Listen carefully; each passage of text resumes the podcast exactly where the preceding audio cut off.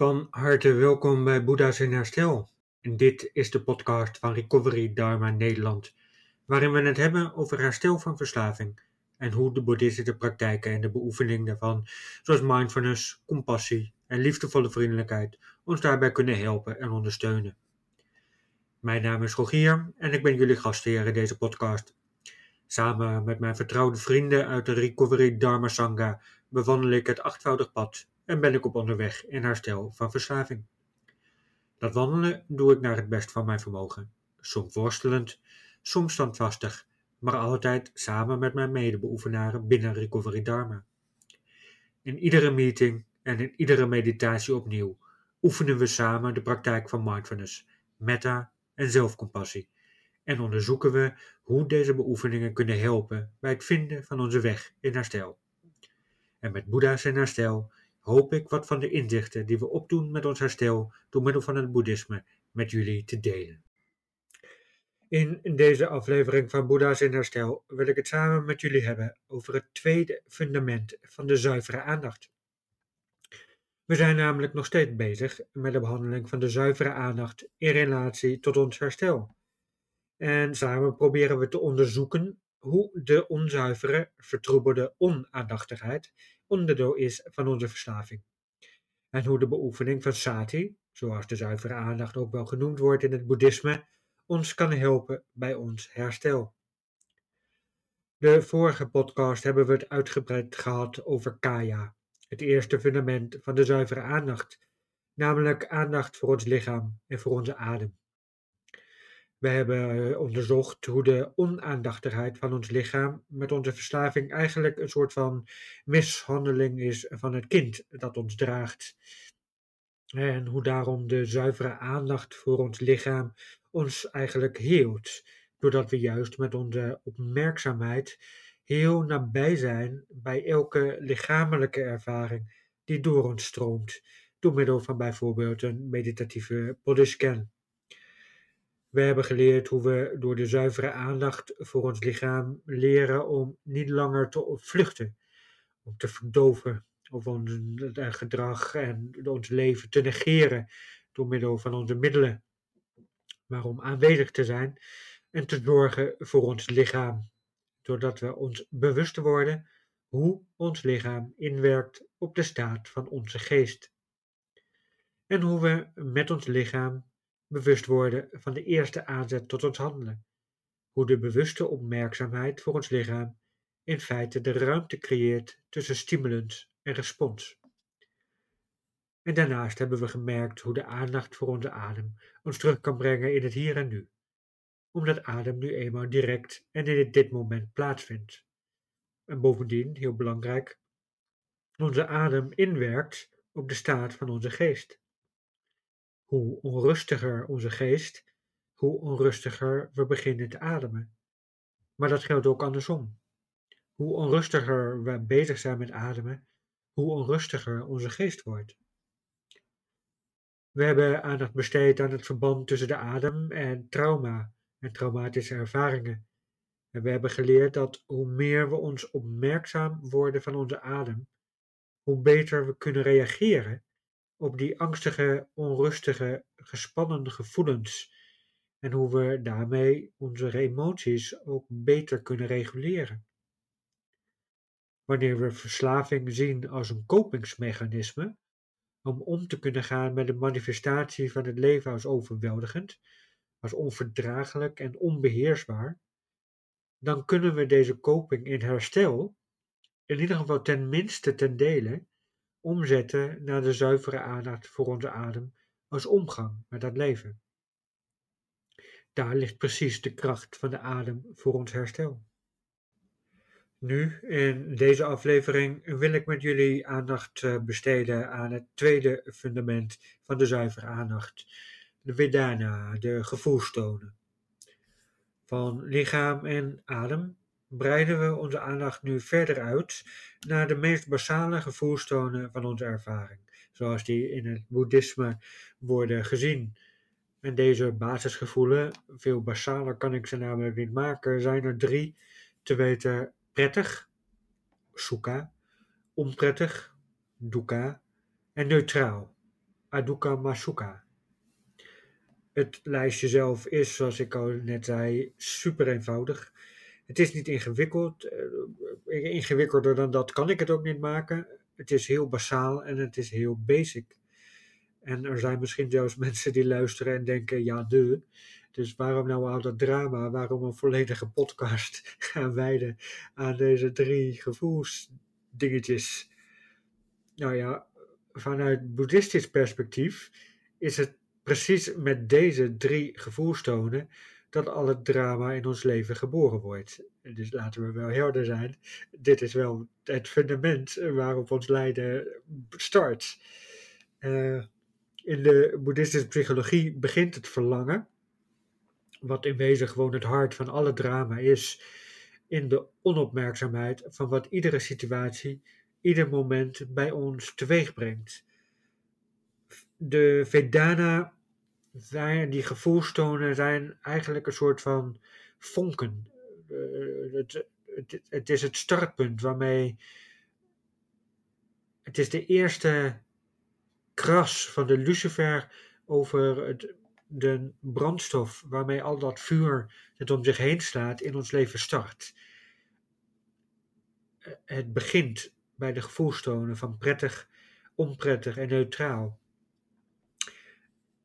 En om dit te begrijpen, en vooral om te snappen wat het belang daarvan is, van die gevoelstonen, is het belangrijk om een wat breder beeld te scheppen de context waarin de gevoelstonen zich in feitelijk bevinden. En eh, allereerst, zoals gezegd, uh, die, de titel van de gevoelstonen, de, de, de aanduiding van gevoelstonen, schept direct weer wat uh, misverstand. Want gevoelstonen zijn geen gevoelens in de westerse zin van het woord. Uh, gevoelens zoals wij ze hebben, uh, we vinden iets vervelend, we, of we hebben bepaalde emoties, gevoelens van angst, blijdschap, boosheid, verdriet, schaamte. Gevoelens van onrust, al die dingen worden niet bedoeld met de Vedana, de gevoelstonen. Gevoelstonen in het boeddhisme zijn in principe dus die kwaliteiten die we geven aan een ervaring. Het zijn ook geen oordelen, geen, uh, geen oh, dit is, dit is prettig en in het verlengde van dit is fijn. Het zijn gewoon soort van basale labels die we geven aan de ervaring aan zich. Dit is prettig, dit is onprettig, dit is neutraal. En die gevoelstonen vormen als het ware de eerste smaak van een ervaring op het moment dat we daarmee in contact komen. En daarnaast is het goed om ons te herinneren dat we ons in dat, in dat boeddhisme alles eh, relationeel is. Alles is aan elkaar verbonden. En dat wil dus ook zeggen dat die gevoelstonen niet op zichzelf staande fenomenen zijn. Ze zijn verbonden. Ze zijn onderdeel van de rij van die domino-steentjes waar ik steeds op terugkom. Die domino-steentjes die we omgooien in ons leven, uh, waar we tegenaan stoten en die gaan stromen en uh, met alle gevolgen van dien. En net zoals de gevoelstonen getriggerd worden, triggeren de gevoelstonen in zichzelf dus ook weer reacties. En als we bezig zijn met meditatie en als we bezig zijn met de ontwikkeling van onze bewuste aandacht, dan gaat het om die reacties, gaat het om de aandacht voor die reacties. Dat is dat is ons instrument als we het hebben in herstel van onze verslaving. Dat is het instrument dat we inzetten eh, om onze verslaving, om, om de ervaring van verslaving om te buigen richting uh, herstellende handelingen. Hoe dan ook, op het moment dat alles relationeel wordt, betekent dat ook dat alles verbonden is en dat er dus met andere woorden sprake is van een opbouw van onze ervaring. Een ervaring ontstaat niet poef vanuit het niets.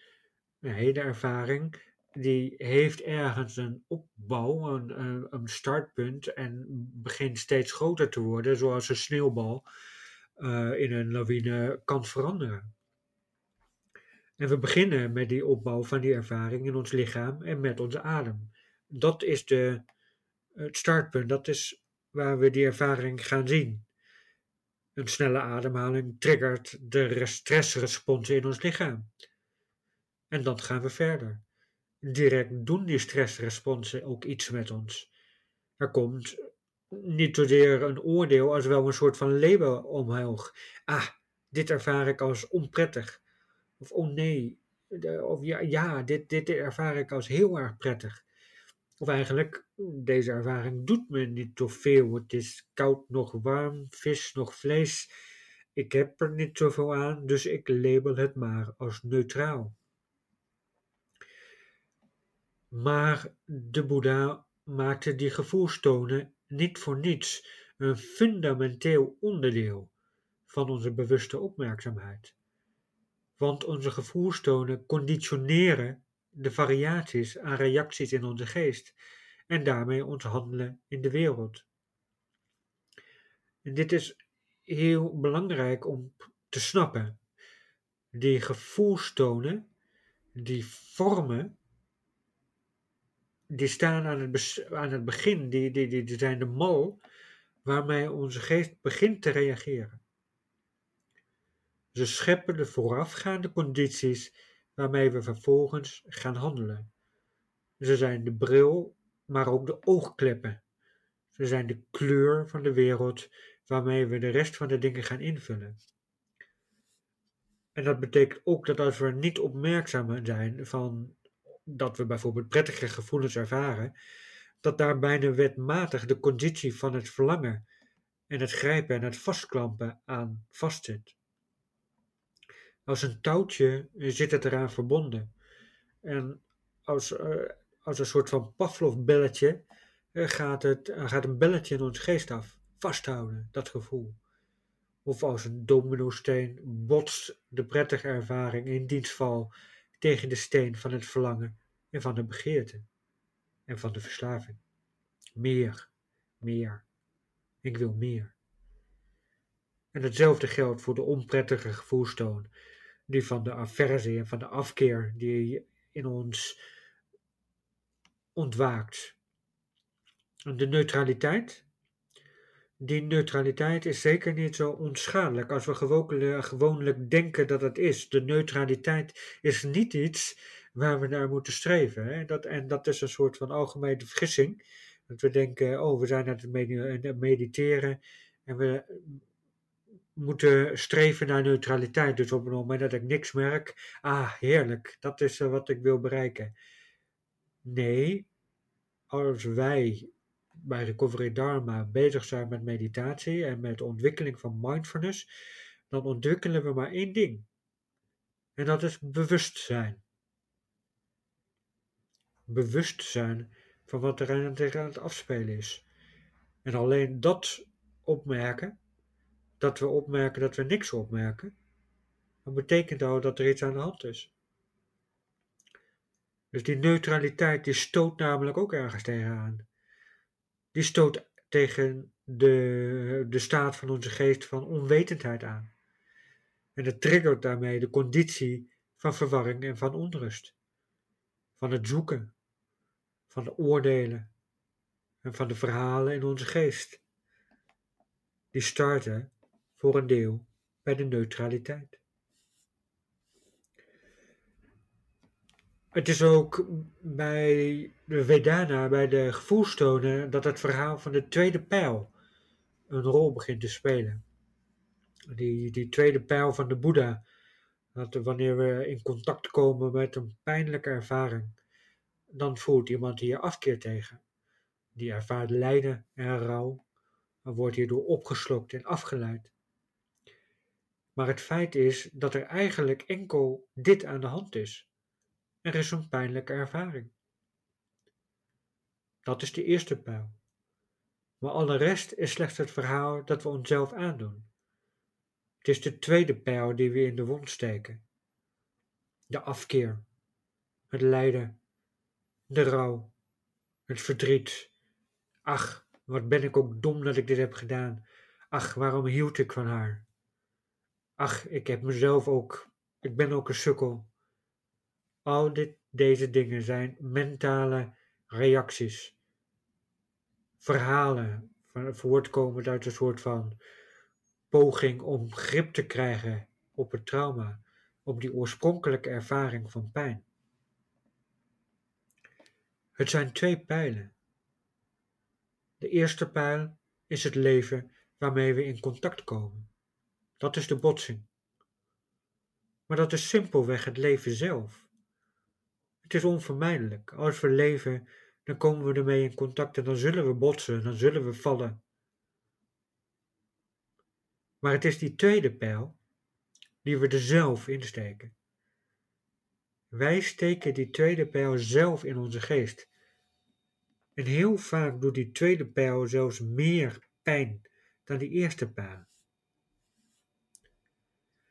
De Boeddha zelf zei hierover: In contact met pijnlijke gevoelens zoekt iemand verlossing in zintuigelijk genot. En om welke reden? Omdat de ongeïnstrueerde wereldling geen andere weg tot bevrijding kent dan zintuigelijk genot. Al het drama begint dus simpelweg bij drie eenvoudige gevoelstonen, waar we niet opmerkzaam van zijn.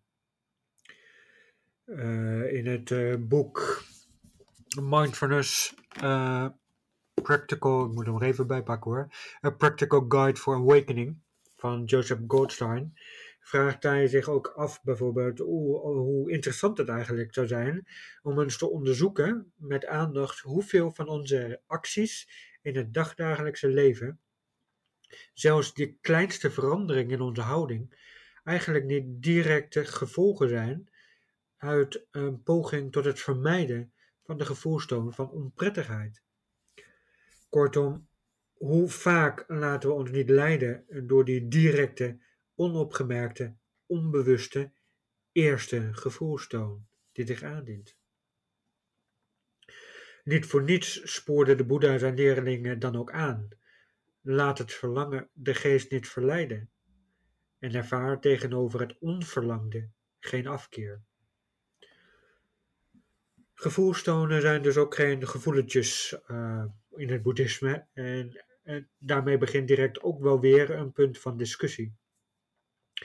Want uh, als, mensen beginnen vaak op dit moment dat we het hebben over die gevoelstonen en de aandacht daarvoor, automatisch te roepen van ja, maar ik wil mijn gevoelsleven niet opgeven. Ik, ik wil niet onthechten van de gevoelstonen, want dan word ik dood van binnen. Ik chargeer heel eventjes, maar jullie begrijpen denk ik wel de kern van die gedachte. Alsof op het moment dat ik, dat ik of dat de Boeddha een paar duizend jaar voor mij, ik ben uiteindelijk alleen maar een leerling, uh, zegt: wees je bewust van de labels die je drukt op het leven, dat daarmee ook direct wordt gezegd: je mag niet labelen. En daar ligt een enorm misverstand. Dat de Boeddha iets zou hebben gezegd dat hier iets afgesneden moet worden. Alsof er een verbod ligt niets meer voelen, want dan volgt het drama, zo'n soort van wijzend vingertje.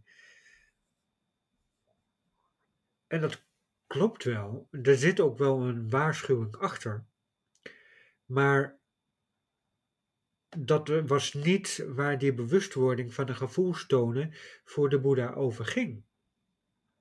De Boeddha zei niet: ervaar je gevoelstonen en kap die dan af, want daarmee volgt het drama in exacte woorden van de Satipatthana Sutta, uh, zei de Boeddha. En ik zeg hier exact, maar het is natuurlijk een vertaling, dus daar zitten altijd interpretaties achter. Maar wat hij eigenlijk zei was in de vertaling: wanneer iemand een prettig gevoel ervaart, weet dan, ik ervaar een prettig gevoel. Wanneer iemand een onplezierig gevoel ervaart, weet dan, ik ervaar een onplezierig gevoel. En wanneer een neutraal gevoel wordt ervaren, weet dan, ik ervaar een neutraal gevoel. Het gaat erom dat we ons bewust worden van dit gevoel. Het is dezelfde, en dat, dat is goed om jezelf te realiseren, het is dezelfde uh, bewoording als we zeggen, Ik adem in en ik weet dat ik inadem. Ik adem uit en ik weet dat ik uitadem. Het gaat om de bewustwording van die ademhaling. Het gaat om de bewustwording van de labels, van de gevoelstoon die achter de botsing met het leven zit. En we hoeven daarbij niet te analyseren. We hoeven niet te veroordelen, we hoeven niet te vergelijken. Sterker nog, we hoeven zelfs niet te begrijpen waarom deze gevoelens gebeuren. Als je het wil begrijpen, dan is de uitleg heel simpel. Je leeft, sec, je botst. Dat is wat er gebeurt. Daarmee ontstaat die gevoelstoon. Dat is het. Maar dat is niet voor belang. Waar het om gaat is te weten dat dit een gevoel is van prettigheid. En dat dit een gevoel is van onprettigheid. Dat is de oefening van een tweede fundament. Punt, punt van deze opmerkzaamheid van de gevoelstoon is bovendien dat je opmerkt dat deze gevoelens in een razend tempo gaan. En dat betekent dus ook dat ze tijdelijk zijn. Ze zijn niet zo permanent dat we denken dat ze zijn. We denken, zeker als we het hebben over craving, hè, de craving, zeker in het eerste moment van ons herstel, waar die cravings vaak nog heel heftig zijn en met grote, sterke, krachtige golven door ons lichaam gaan, dan denken we vaak, dit houdt nooit op. Dit houdt nooit op, dus ik moet het stoppen. Maar de bewustwording van de gevoelstonen helpt ons op te merken dat die gevoelstonen voortdurend wisselen. Het is niet zo dat het nooit ophoudt. Het verandert voortdurend. De Boeddha vergeleek onze gevoelstonen ook wel met de steeds veranderende wind in de lucht. Zeker op dit moment met de ijskoude wind die, uh, die uh, onze neus bevroren achterlaat op het moment dat we naar buiten gaan. De ene moment komt de wind uit het noorden en dan komt het weer uit het westen. Het ene moment dan is het ijskoud en bevriest onze adem terwijl we aan het uitademen zijn. En het volgende, dan is het warm. Ik heb op dit moment de zon in mijn rug en dan lijkt het alsof er, uh, alsof er niks aan de hand is met al die kou. Het ene moment is de wind in de rug en het andere moment is er keiharde wind in het gezicht. We hoeven ons dus ook niet af te sluiten voor de gevoelstonen, los van het feit dat dat eigenlijk onmogelijk is. Op het moment dat we ons er niet van bewust zijn, vloeien de gevoelstonen voortdurend door ons heen, als een voortdurende cacophonie aan tonen. Maar als we opmerkzaam ervan worden, dan zien we ook de kracht en de mentale snelheid waarmee dat proces kan verlopen. Hoe een gevoel van onprettig in afkeer en irritatie verandert. Bijvoorbeeld terwijl je aan het luisteren bent naar deze podcast. En dan vervolgens in de snauw en in de grom. En vervolgens de kwetsbaarheid, kwetsing bij iemand die je dierbaar is. En als je helemaal pech ervaart, de ontvlammende ruzie die helemaal voortvloeit uit dat eerste moment van dit is onprettig. Simpelweg omdat je een voor een moment een voorbijgaand, impermanent moment iets als onprettig ervoer, zit jij een aantal momenten later in het drama van de ruzie, de kwetsing, het karma. Als we ons opmerkzaam worden van de voorafgaande gevoelstonen voor het handelen, dan worden we ons ook bewust van de tijdelijkheid en de vergankelijkheid van die gevoelstonen. Verlangen begint met prettig, maar prettig gaat voorbij, zolang we geen tweede pijn aan toevoegen van dat het prettig moet blijven. En als we die tweede pijl loslaten, dan laten we het prettige los. En daarmee hoeft het derde fundament van de staat van onze geest, de staat van het verlangen, zelfs niet te ontstaan. De gevoelstonen van prettig en onprettig, zoals die in het Pali aan worden geduid als sukha en dukkha, Uh, en het is goed trouwens om jezelf te realiseren dat die soeka en doeka, prettig en onprettig, eigenlijk ook wel weer beladen zijn en groter zijn dan alleen een gevoelstoon. Dat het echt gaat ook over de vreugde, de soeka van het leven. Iets wat eigenlijk positief kan zijn. En de doeka, de, de, de, kern van de dharma, de, de tweede, eh, de eerste nobele waarheid. Er is lijden, er is dukkha. Onprettig gaat, is verbonden aan dat vorm van lijden. Dus, er zitten dus lagen achter die betekenis. Die gevoelstonen die zijn relatief eenvoudig te identificeren als we er eenmaal onze opmerkzame aandacht aan besteden. Ze zijn ook redelijk gemakkelijk te begrijpen hoe ze in verband staan met het verlangen dat voortvloeit uit de prettigheid en het willen vasthouden ervan. En met de afkeer die voortvloeit uit onprettigheid en het willen wegduwen en het vermijden ervan. Maar hoe zit het dan met die gevoelstoon van de neutraliteit, dat in het Pali, de oorspronkelijke taal van de Boeddha, als Adukkha Masukha aangeduid werd? Zoals je hoort, zit er ook al een soort van negatie van de dukkha en de sukha in het woord begrepen met a dukkha en a sukha. Dat we zeggen, het is nog onprettig, het is nog prettig. Maar wat wij vertalen als neutraliteit kan in die zin dus ook veel beter begrepen worden en vertaald worden als ambivalentie. De tweezijdigheid. Het niet willen weten waar, welke van de twee het dan eigenlijk is. Die ambivalentie biedt een beter beeld van wat de conditie van de gevoelstoon neutraliteit betreft.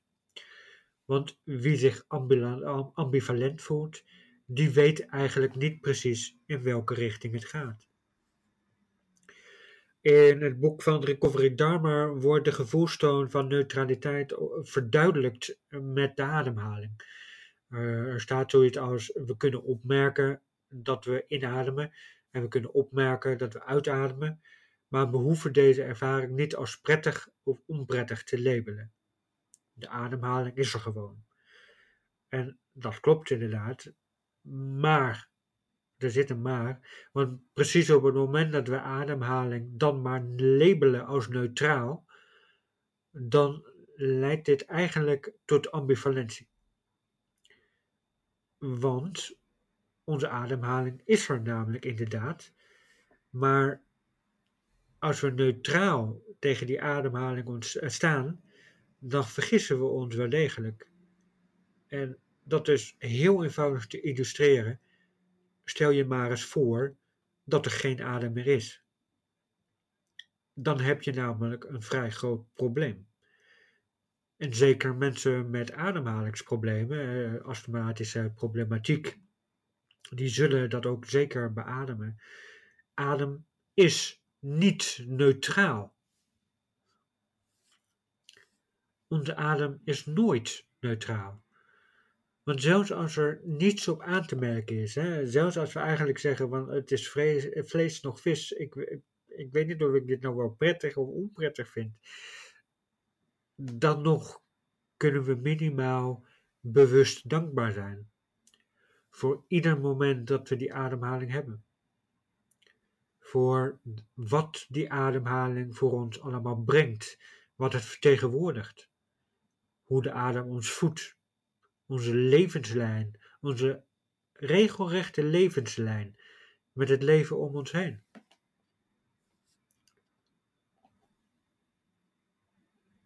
In zekere zin is de ademhaling dus een heel slecht voorbeeld van waar je iets waar je neutraal tegenover kan staan.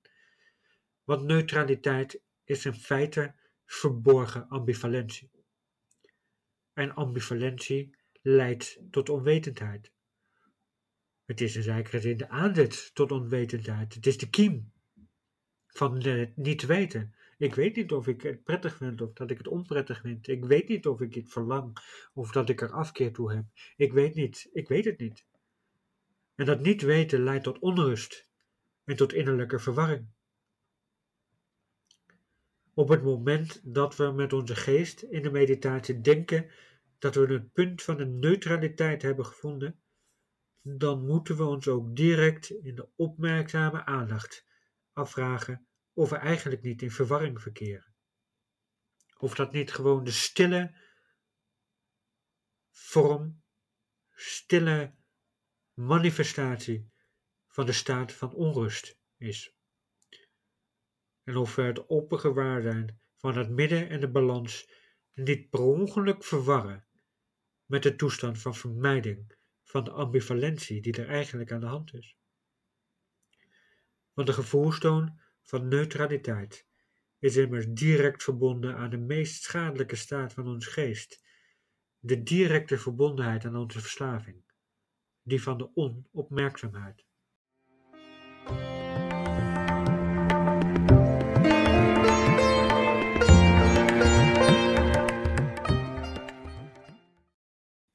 Tijdens deze aflevering van deze podcast heb ik, eh, ben ik regelmatig teruggekomen op het idee van eh, de gevoelstonen staan niet op zichzelf.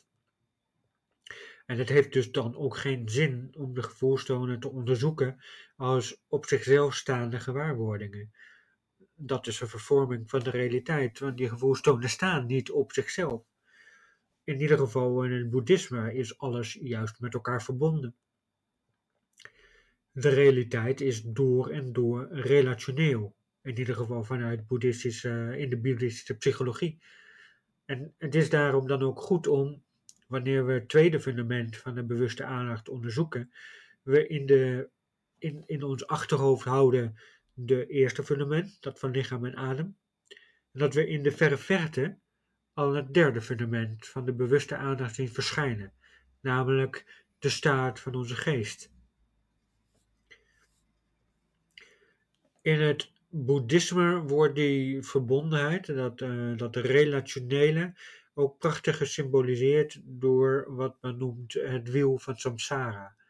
Het wiel van de voortdurende wedergeboorte en de dood die we zelf in beweging zetten met onze actie, met onze handelingen en met onze op, onopmerkzaamheid.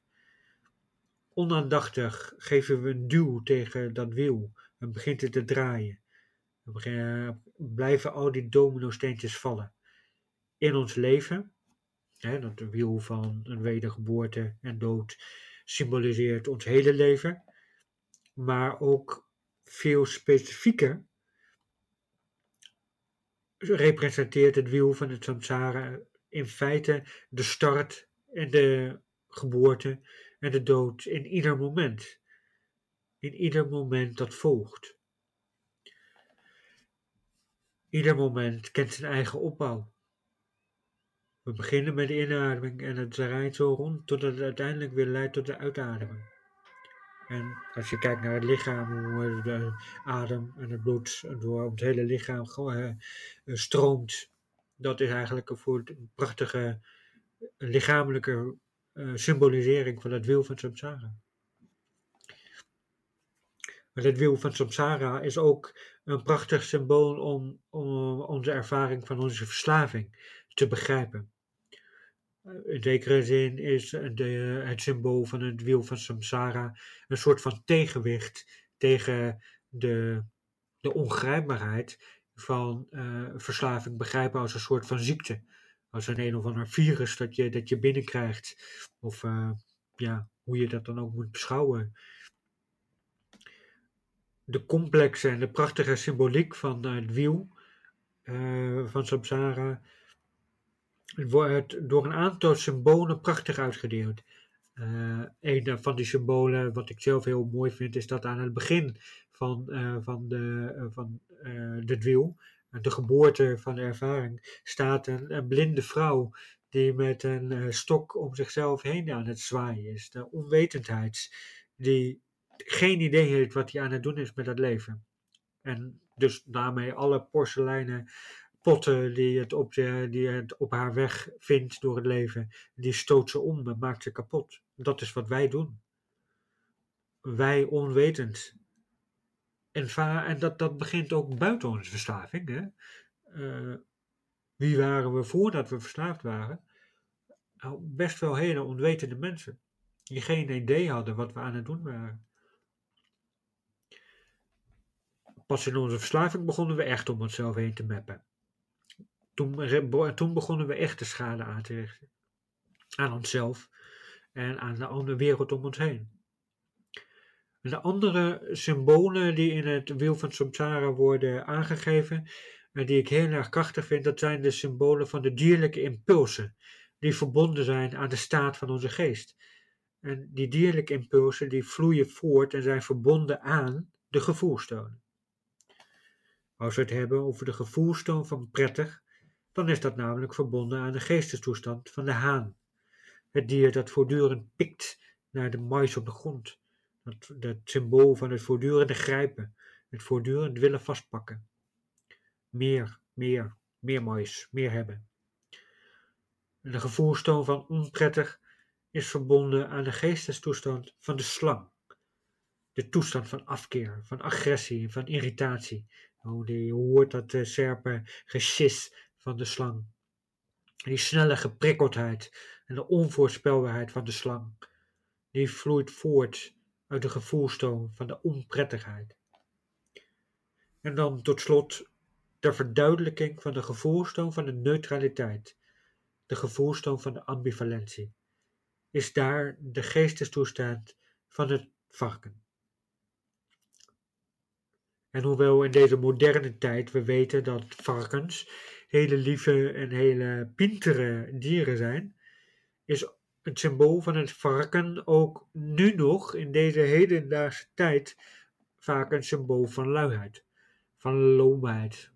Je delft in je eigen vuil rond te slingeren.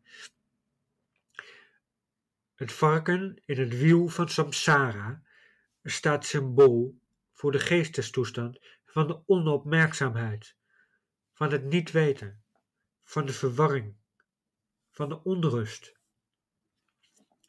Er is niets neutraal aan de gevoelstoon van neutraliteit. En wanneer we denken, dit voelt neutraal, dan is het tijd om opmerkzaam te worden. Dit is het moment om bewust te worden. Hier is iets aan de hand. Ik weet niet wat er aan de hand is. Hier is iets aan de hand. Het moment van het wrakken is het moment dat de verslaving om de hoek komt kijken. Het is het moment van de onopmerkzaamheid. Het moment van de luiheid, van de luie aandacht. En de luie aandacht leidt tot de onrust. Hier blijkt bovendien dat ook, eh, hoewel onze benadering van recovery dharma, hè, met, met het boeddhisme als omgang voor herstel, vaak wordt geassocieerd met compassie, met warmte, met zachtheid, met, met een vriendelijke vorm van aandacht. Dat dit ook een radicaal strikte benadering is van onze verslaving. Bij Recovery Dharma zeggen we niet dat onze verslaving in een of andere ziekte zit, buiten ons, waar we geen controle over hebben, waar we aan overgeleverd zijn en waar we dus op moeten gaan zitten en uh, strikt en streng en vast moeten houden. We zijn bij Recovery Dharma en in het Boeddhisme geen slachtoffers van iets dat ons overkomt. We zijn in Recovery Dharma absoluut verantwoordelijk. Wij zijn verantwoordelijk voor de staat van onze geest. En ja, wij zijn verantwoordelijk voor onze verslaving.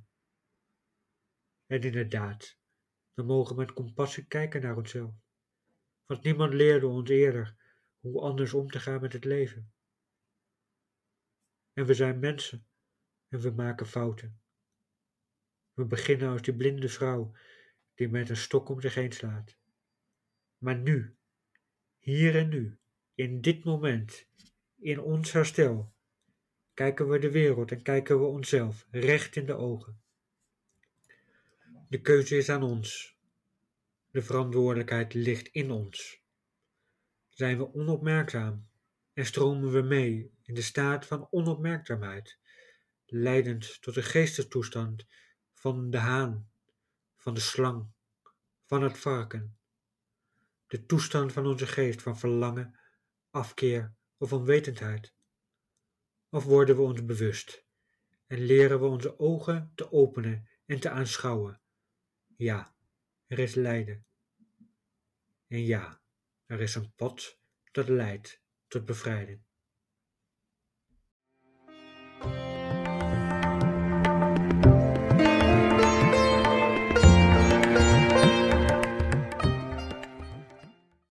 Daarmee zijn we alweer aangekomen bij het einde van deze podcast. En natuurlijk is nog lang niet alles gezegd over de zuivere aandacht en hoe dit kan helpen bij ons pad van herstel.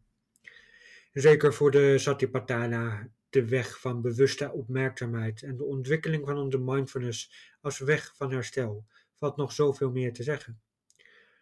Ieder fundament vraagt om zijn eigen benadering en zijn eigen behandeling en verdieping. Dus de komende podcast zullen we ook nog ingaan op het derde fundament van de zuivere aandacht. Voel je nog steeds van harte uitgenodigd om de volgende keer aan te sluiten bij deze podcast en met mij in gesprek te gaan over jouw ervaringen met herstel en met het boeddhisme. Je kan digitaal aansluiten via Zoom of je kunt fysiek aansluiten. Stuur in ieder geval een mail voor meer informatie over deze opname en dat kan via info.recoverydharma.nl. Onderdeel van de volgende onderwerp van de volgende aflevering zal zijn Chita, verlangen, afkeer en verwarring in onze verslaving en ons herstel. Voel je van harte uitgenodigd om mee te praten.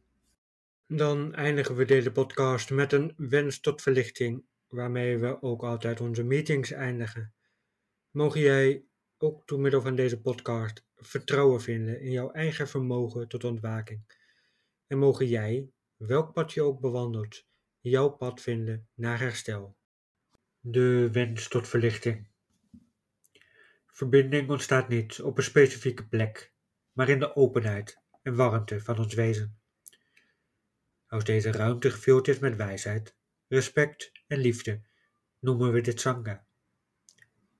We hopen en wensen dat de pijn van verslaving, trauma en isolement ons terugleidt tot ons hart, zodat we compassie, wijsheid en verandering nog beter begrijpen.